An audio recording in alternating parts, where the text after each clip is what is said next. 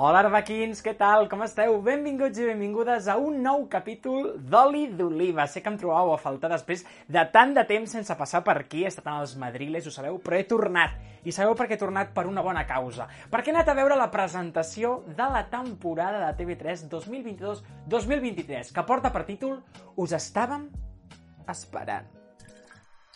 Oli d'oliva. Amb aquest nou eslògan, TV3 vol donar la benvinguda a una temporada plena de transmèdia, sobretot joventut i, com no, molta frescor amb tots els seus nous continguts. Tindrem noves cares. Cares que haig de dir que m'han sorprès mm, poc, però que alhora doncs no ho negaré, estic excitat i sobretot emocionat per veure quines novetats i com seran, com seran aquests platós, com seran aquests plans, quins convidats, quines convidades passaran per aquests platós. Tot pinta molt bé i s'ha de dir que el millor de la presentació, a part de que feia una mica de calor, va ser el càtering. Una altra cosa a comentar va ser aquest, aquest, què és això? Aquest és el dossier de premsa que ens han donat, que, bueno, sí, molt mediambiental, perquè tenim un codi QR on podem descarregar tota la informació, però, si us plau, premsa, nosaltres volem el dossier de tota la vida. El dossier on tenim les fotografies físiques per emmarcar-les. Però vinga, anem al més important. Comencem amb els convidats amb qui vaig poder parlar, amb aquestes cares conegudes que presenten nous programes, nous continguts. I si us sembla, comencem, com no, amb Eloi Vila, que haig de dir que la veritat és que era una persona que tenia curiositat per veure el que presentava, perquè sabem tots i totes que Eloi Vila és mític en el programa El cotxe de TV3. Però és que a part d'això presenta nou format. I el format que presenta és bastant turbulent, podríem dir, perquè es diu Quina guerra? I si voleu saber en què consisteix aquest programa, escolteu. Mira, és la, la història de l'avi o l'àvia d'una persona coneguda durant la Guerra Civil. O sigui, fem el recorregut per la guerra que van viure, això, l'avi o l'àvia d'una persona coneguda. Hi ha l'avi de l'Andreu Buenafuente, la història de l'avi de l'Andreu Buenafuente, de l'avi de l'Albert Tom, d'en Peyu, de l'àvia de la Natja Ferrer i de l'àvia de la Bet Rodergues. No? Són històries molt potents i fem un procés d'investigació per conèixer com van viure la guerra. Per exemple, l'avi de l'Andreu es va morir al front. Va marxar a la guerra quan tenia 18 anys, amb la seva dona embarassada de la mare de l'Andreu, de la Teresa, i no va tornar. I l'Andreu pràcticament no sabia res i hem pogut descobrir, fent tot el treball de recerca en el programa, quin va ser el recorregut de l'avi de, durant la guerra i poder-lo després conèixer junts. No? Hem fet el viatge així amb l'Andreu i amb totes les persones que participen del programa. Tindrem convidats de tota mena, en els quals destaquen Bet Rodregues, la cantant, Natza Ferrer o Albert Tom, eh, que per cert feia temps que, que no sabíem res d'ell. S'ha de dir que és un programa molt emocional en el que ens va dir Eloi Vila que era un viatge no? a través d'aquesta història, a través de la guerra, i sobretot aquesta guerra que a vegades no està escrita. I dic que no està escrita perquè possiblement es desconeix. És a dir, hi ha molt a aprendre. Un programa divulgatiu que jo crec que triomfarà i molt. I clar, pregunta obligada. Ell està fent un programa on investiga la història de familiars de famosos. Ell ha investigat sobre els seus avantpassats? Sí, sí, m'ha encuriosit, ho he fet i he quedat, com passa en tantes històries, amb un punt de no més camí, no? de no poder evolucionar més. Ja me'n recordo, per exemple, el meu avi m'explicava la meva mare, jo no el vaig conèixer, es va morir que jo era molt, molt, molt petit, l'avi de la meva mare, per exemple, que era, era anarquista, era de la CNT, no? era treballador del camp de Sant Sadurní de Noia, bueno, fill de Picamoixons, Sant Sadurní de Noia, i per part del meu pare no hi havia més història. Era molt gran, quan va esclatar la Guerra Civil i no va anar, no va anar a la guerra i ho va viure amb una certa placidesa a Camprodon, que el meu pare és de Camprodon. Però, per exemple, en el cas de l'avi de la meva mare, en Salvador, bueno, hi ha un punt que queda que no vaig poder, no vaig poder saber més. I això ens hi trobem, eh, en el programa. O sigui, si no podem avançar, no tenim història per explicar, perquè el sentit del programa és descobrir, no? fer una recerca, descobrir i a partir d'aquí poder-ho compartir no? amb, amb, amb la persona que participa al programa, com deia l'Andreu, la Natza Ferrer, en Peyu, la Bet Rodergues i l'Albert Tom.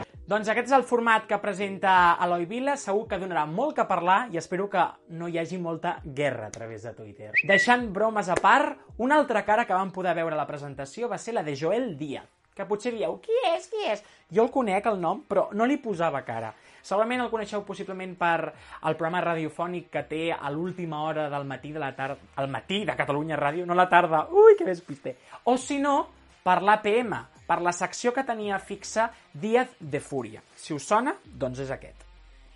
Joel Díaz presenta un nou programa, Zona Franca, que no sé si és un honor, un honor sí, una parleta que volen donar-li al barri de Barcelona, de Zona Franca, la zona. Ho desconec, no ho van preguntar, ho haurem de descobrir. Però el que sí que sabem segur, que això és molt important, destacar-ho, compte que tremola Catalunya. Torna al Late Night a TV3. I això vol dir... Què vol dir? Doncs que moles, perquè si una tele té un Late Night, mola. Llavors, és un nou programa que barreja sàtira, humor, comèdia, col·laboradors... Quan durarà? No ho sabem. El que sí que sabem és que es fa de dilluns a dijous i quan li vaig preguntar a Joel Díaz si seria el tocanassos que ens té, bueno, normalment acostumats amb tot el que fa, va respondre això. La meva idea és seguir torrant els collons eh, agafant la teva pregunta. És a dir, deixo l'APM, on, per cert, eh, m'agradaria dir que estic molt agraït de l'oportunitat que m'han donat i d'aquests tres, ah, no sé si tres o quatre anys, però bueno, hem fet molta feina i l'hem fet bé.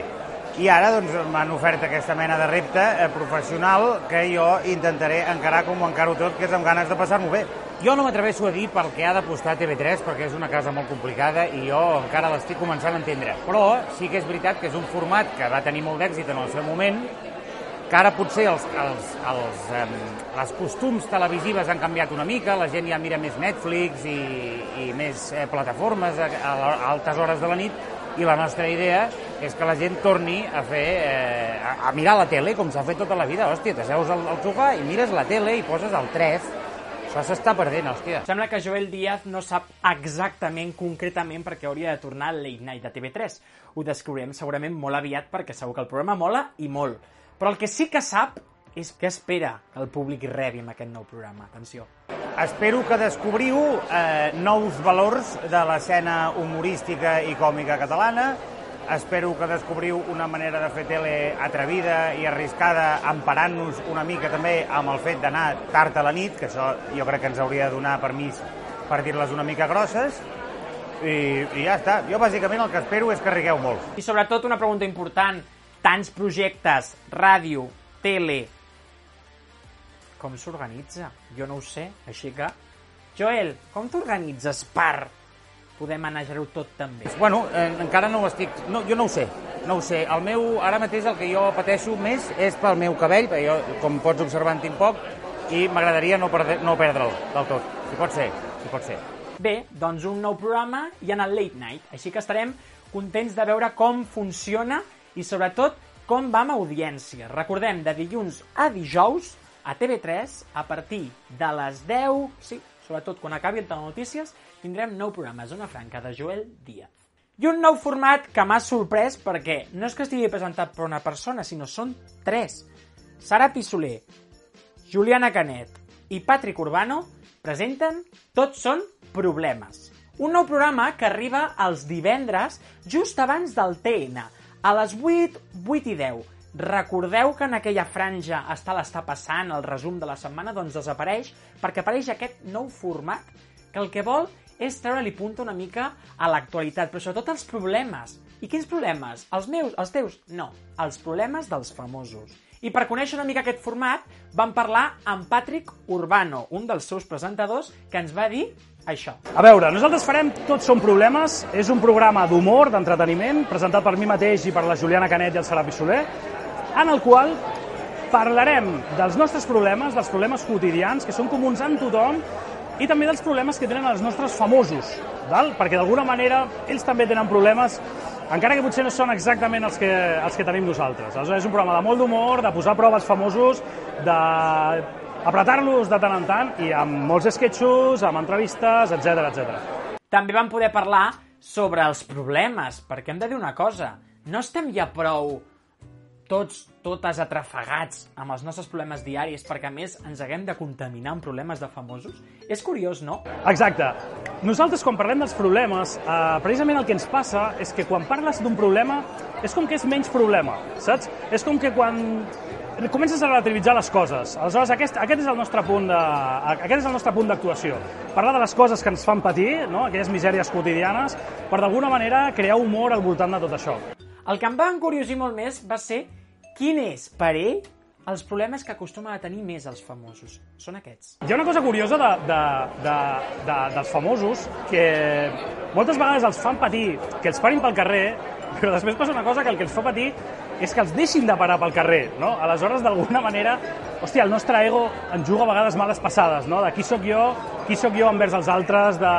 etc etc. I aquest és el format Tots són problemes. Esperem que tinguin molt bones audiències i sobretot molt èxit amb aquest nou format. Molta sort a Patrick Urbano, també a Juliana Canet i Sara Soler, que també s'estrenen el divendres. Doncs aquesta ha estat una mica la informació que vam poder recollir quan vaig anar personalment a la presentació de TV3. Felicitats a tot l'equip de la cadena i, com no, al departament de premsa per acollir-nos sempre tan bé. Moltes altres novetats tindrem en aquesta nova temporada i abans de que ho deixeu a la capseta de comentaris perquè us conec, Tindrem Crims, torna Crims, al novembre. Només quatre capítols. Per què?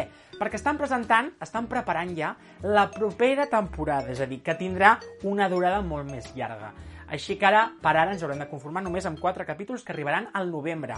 Eufòria, una altra inquietud que hi havia entre els companys de premsa per saber quan tornaria. No hi ha data confirmada, però sí que en el seu moment ja van dir que renovarien per una segona temporada, així que esperem que arribi també a TV3 aviat. Jo calculo que a finals de finals d'any, principis del 2023, tindrem alguna novetat. I com no, tornen els clàssics. Atrapa'm si pots, Persona, mare meva, Persona infiltrada presentat per Marta Torné amb convidats molt top, Manu Guix, Bet Rodregas, entre d'altres. Podria tornar el Carles Costa? Doncs també és veritat. Sobretot, TV3 ha apostat per les cares femenines en la presentació i direcció d'aquests formats. Tenim Agnès Marquès, Helena García Melero i Ariadna Oltra. Agnès Marquès, en planta baixa, que recordem passa a les tardes, Helena García Melero, amb tot es mou pels matins, a la franja matinal, és a dir, fan un canvi en planta baixa, i Ariadna Oltra al capdavant dels matins, del programa informatiu líder de Catalunya, on d'alguna forma doncs ens dona la informació que vols, quan vols i com vols. Doncs arbequins, arbequines, aquestes han estat les últimes novetats de la nova temporada de TV3 2022-2023 i jo vull saber la vostra opinió. Deixeu a la capsa de comentaris quin és el programa que espereu amb més il·lusió i amb més ganes per veure o si us agradaria que retornessin antics programes que actualment no estan a la graella de TV3. Tot comentari és benvingut per fer una xarxa conjunta, perquè som oli d'oliva. I oli d'oliva també ho ets tu, carinyo, així que vinga, a posar comentaris i a compartir les vostres opinions. I res més, gràcies per acompanyar-nos un dia més i esperem veure'ns molt aviat. Fins aleshores, salut i sort. Que vagi bé!